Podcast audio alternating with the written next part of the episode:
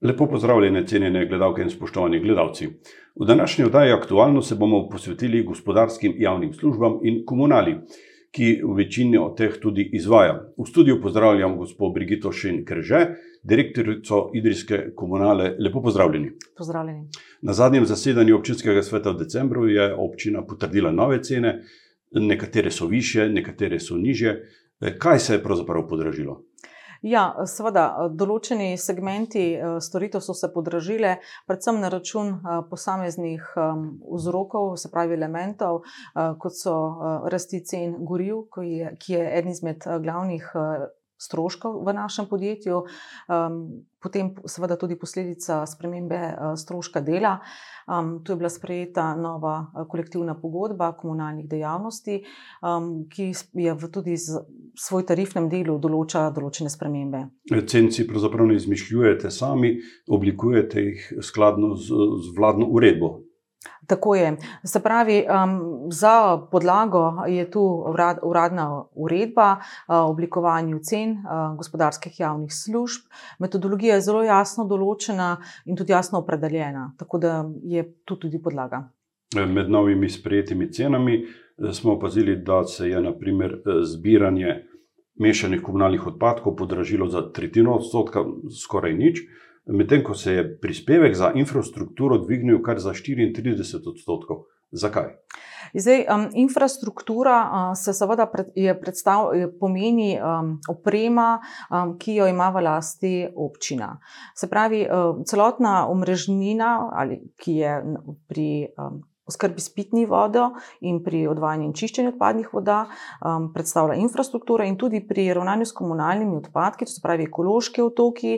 Um, vsa infrastruktura, ki jo imamo v zbirnem centru, je v lasti občine Idrija, uh, ki nam potem mesečno um, izdaja račune uh, za ta najem, ki ga potem mi dejansko prefakturiramo naprej uh, uporabnikom. In kje so razlogi za to podražitev? V novih, bom rekla, opremi, v novih, če se pogovarjamo recimo o skrbi s pitno vodo, se pravi, novih vodovodih, ki so jih izdelali. Skratka, vse, kar je občina v lanskem letu, se pravi v letu 2021, vložila v opremo. Ta podatek 34 odstotkov velja za. Odpadke, za zbiranje odpadkov, so novi ekološki otoki. Tako je. Občina je v letu 2021 vlagala v nove ekološke otoke in s tem posledično tudi vplivala na ta rast. Količina nekoristnih zbranih odpadkov, preračunano na občana, se iz leta v leto zmanjšuje. Letos naj bi, po vaših predvidevanjih, vsak občan v občini Idrija pridelal okrog 120 kg teh odpadkov. Kar je nekaj manj kot lansko leto, je to splošen trend v državi? Um, kolikor se pogovarjam z stanovskimi kolegi, ni posod tako. Tako da tukaj je res en vzor um, in jaz mislim, da smo skupaj z občani na pravi poti, kar v bistvu seveda pomeni tudi boljši in večji delež ločeno zbranih odpadkov. Ne? Ločenih odpadkov je vse več, mislim, da že okrog 66 odstotkov. Tako je. Tako je. In tukaj smo tudi eni izmed boljših. Da rečem, imamo še prostor, boljše občine ločujejo tudi 80 in več odstotkov, vendar smo med boljšimi, v tistem srednjem razredu po statistiki v Sloveniji. To ločevanje, dosledno ločevanje, pa ima seveda tudi finančne učinke, ne? ker ločeno zbrane frakcije. Pravzaprav vi oddate v predelavo brezplačno, oziroma z njim nimate stroškov, razen prevoza od ekološkega otoka do Ljubevča. Drži to? Tako je. Če se pogovarjamo o steklu, um, lo, um, embalaži v smislu tetrapakov, pločevink, plastenk, papirja, uh, je naš uh, oziroma strošek, ki potem na koncu bremeni občana uh, od ekološkega otoka do zbirnega centra v Ljubevču. Če pa ta embalaža, ta tetrapak, pločevinka pristane med mešanimi komunalnimi odpadki, to se pravi v našem zelenem zabojniku, pa poleg tega stroška prevoza, zbiranja od zabojnika do zbirnega centra, sledi prevoz še v Ljubljano in tam seveda tudi sledi strošek obdelave in odlaganja, ki ga izvaja JP vodovod kanalizacija Snaga. Sedaj ste reorganizirali sistem pobiranja teh mešanih odpadkov korenito reorganizirali, skoraj prepolovili ste število odvozov iz ekoloških otokov. Bo to izvedljivo? Um, prakse po drugih um, občinah, um, ki imajo tudi že še vedno tudi nižji delež ločeno zbranih odpadkov, um, je takšna, da je pač rok oziroma ta razmak med pobiranjem vedno daljši. Um, in glede na to, da smo tukaj, kot ste že prej omenili, preko 60% že zberemo ločeno zbranih odpadkov, ne vidimo težave, da, bi bili, da na tem delu ne bi bili uspešni. Um, dejstvo je, da se naši ekološki otoki z ločenimi zbranimi um, odpadki zelo polnijo. Zato smo v letu 2021, um, je bil marsikateri um, zabojnik tako zeval, da tako rečemo, in temu pač želimo um, iti nasproti, da se take zgodbe ne ponavljajo. E, to pomeni, da boste večkrat tudi tedensko odvažali steklo, karton, papir? Predvsem embalaža. Predvsem embalaža, pa kot ste rekli, ja, tudi kartona, ja, papirja je veliko, poznajo se te, bom rekla, to nakupovanje. Um, zelo veliko opazimo nekih kartonov, ki so. Ki so prej vsebovali neko pohištvo, ne, se pravi, ti, bi rekla, nakupi um, zdajšnjih trgovcev, ki jih srečujemo v Sloveniji. Tudi internetna trgovina, vsaka pošiljka pride v nekem zavoju, res. tega se nabere. Ne? Tako je. In res tu bi apelirala na občane, um, da te kartone poskušajo vsaj malo zložiti, jih uh, bom rekla, stlačiti. Namreč pogosto je v zabojniku lahko samo eden ali dva kartone zabojnik uh, že zeva. Skrbi pa podatek, da v zabojniku za mešane odpadke je uh, plastike zelo veliko, v dveh letih se je ta količina celo podvojila. Ja, um, to je v zadnji sortirni analizi, ki smo jo delali v letu um, 2021, pokazalo, da je res uh, količina embalaže se je uh, povečala. Um, vedno vzamemo enako območje, isto območje, da, da je stvar lahko tudi primerljiva. Uh, tako da um, občani uh, naj uh, res embalažo dajo v zabojnik za embalažo in ne v mešan zabojnik. Ekološki otoki so postavljeni eh, v urbanih naseljih, pa tudi na podeželju. Eh, kako ocenjujete urejenost teh ekoloških otokov in kdo je pravzaprav odgovoren za to, da je objekt primerno urejen, počiščen? Um, ja, tako je zdaj pri zabojnikih oziroma ekoloških otokih, bi si seveda um, želeli, da um, bi jih bilo morda na nekaterih mestih tudi še več. Uh, V samo novo izgradnjo um, investira občina kot lokalna skupnost, vzdrževanje v smislu pometanja in tako je pa v našem delu, se pravi, pa naša dožnost. In ravno zato si tudi želimo, um, ker ekipe, ki skrbi za ravnanje z komunalnimi odpadki, nismo in ne načrtujemo, da bi v tem trenutku večali, dodatno zaposlovali. Smo tudi s to reorganizacijo zdaj redkega pobiranja mešanih komunalnih odpadkov, nekako načrtujemo, da bomo lahko del ekipe vsaj v nekem delu tudi razporedili na vzdrževanje ekoloških otokov. Pri zbiranju odpadkov imate izgubo, izkazujete izgubo zadnje štiri leta. Ta je v skupnem seštevku že okoli 130 tisoč evrov. Kako boste rešili ta problem? Ja, zdaj, um, tako je. Um, Na izgubo je sigurno vplivala um, številni elementi, um, med drugim tudi uh, rasti uh, posameznih uh, cen prevzema. Namreč gradbene odpadke konkretno moramo predati naprej v uporabo, na predelavo in seveda se jih plača. Ravno tako recimo zeleni vrtni odres. Ne. Tako da vse tisto, kar občani pripeljejo na naš zbirni center, ni nadaljni prevzem brez plačana. Ne. Tudi nevarni odpadki, cena prevzema nevarnih odpadkov rastejo, ne. ko se jih preda naprej v obdelavo. Tako da tu so glavni razlogi, mi smo zdaj v te.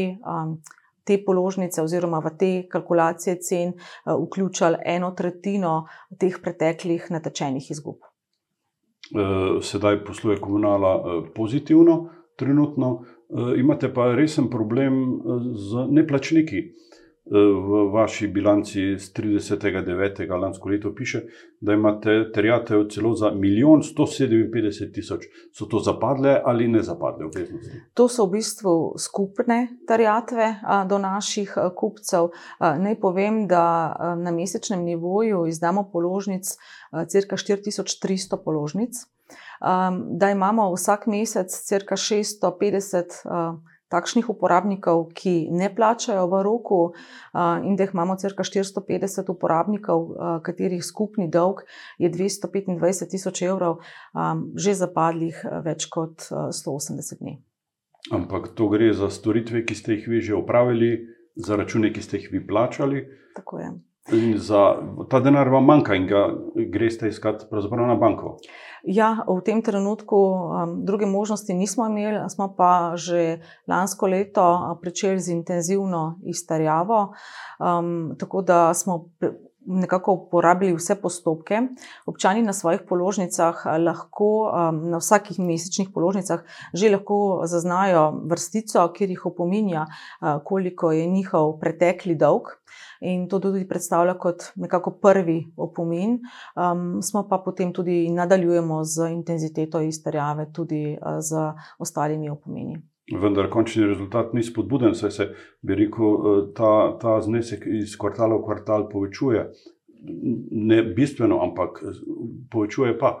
Vam manjka učinkovita služba, najbrž? Um, službo smo postavili, dejstvo pa je, um, da je bilo potrebno, oziroma je veliko dela je bilo na, potrebno narediti na urejanju, um, rekla, kartic posameznih strank, uh, ker težko od nekoga uh, nekaj terjaš, uh, če pri sebi uh, nimaš urejenih podatkov.